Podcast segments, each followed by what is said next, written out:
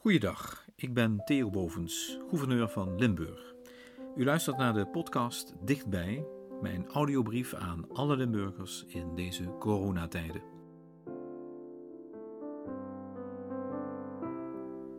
Zondag 12 april 2020. Passen en Pasen. Blijf in en om het huis, zo luidt nog steeds het devies. En wie een ommetje wil maken, weet inmiddels dat dat op gepaste afstand moet van medewandelaars of fietsers.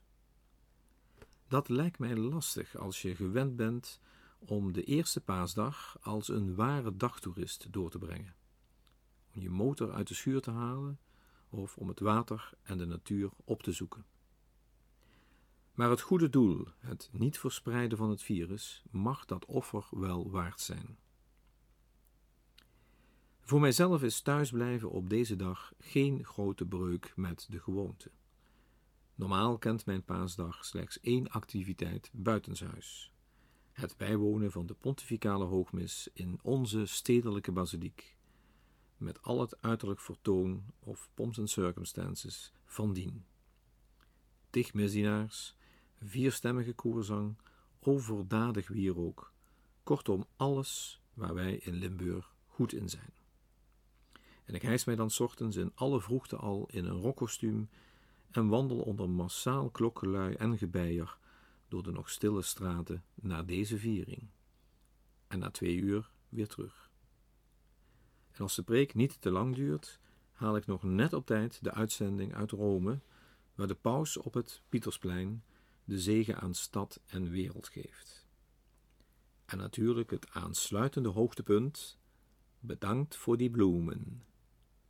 De huidige paus zegt dat niet meer op die manier, maar het maakt Limburgers niet minder trots, want wij weten dat Erne van Us, een floraal vormgever uit Posterholt, de leiding over het bloemenensemble heeft.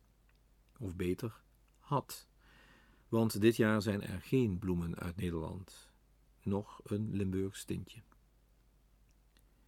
Normaal werd het paasontbijt bij mij dan ook meestal een paasbrunch inclusief het klutsen van de paaseieren, waarmee we bepaalden wie thuis figuurlijk het grootste ei is.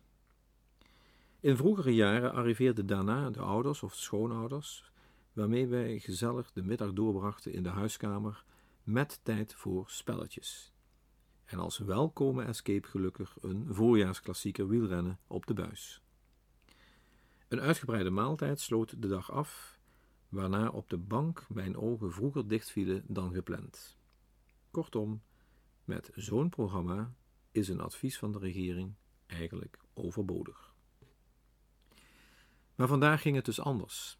En dat zal zeker niet alleen voor mij zo zijn geweest.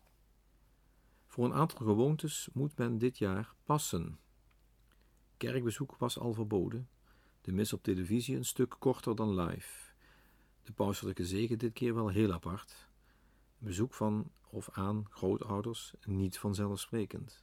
Laat staan als die in een verzorgingshuis verblijven.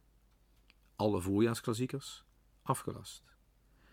Dus het thuisblijven was ook voor mij vandaag nog een hele opgave. Maar het offer heb ik berustend gebracht. Want nu de cijfers afvlakken, besef ik meer dan voorheen dat de vrijwillig gekozen quarantaine in eigen huis en buurt echt helpt, echt mensenlevens redt. En waarom zouden u en ik de oproepen van talloze oudpatiënten, van hardwerkende zorgprofessionals negeren? En waarom zouden u en ik, door ons niet aan de adviezen te houden, de crisisperiode nog langer laten voortduren?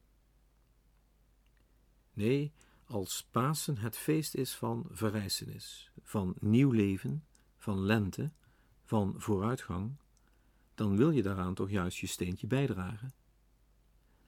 En dus werd het vandaag, ondanks al die zaken waarvoor ik moest passen, toch gewoon Pasen in Limburg. Een zalig Pasen zelfs. Dames en heren, zorg goed voor elkaar en daarmee voor uzelf zoals we in Limburg gewoon zijn. Tot morgen.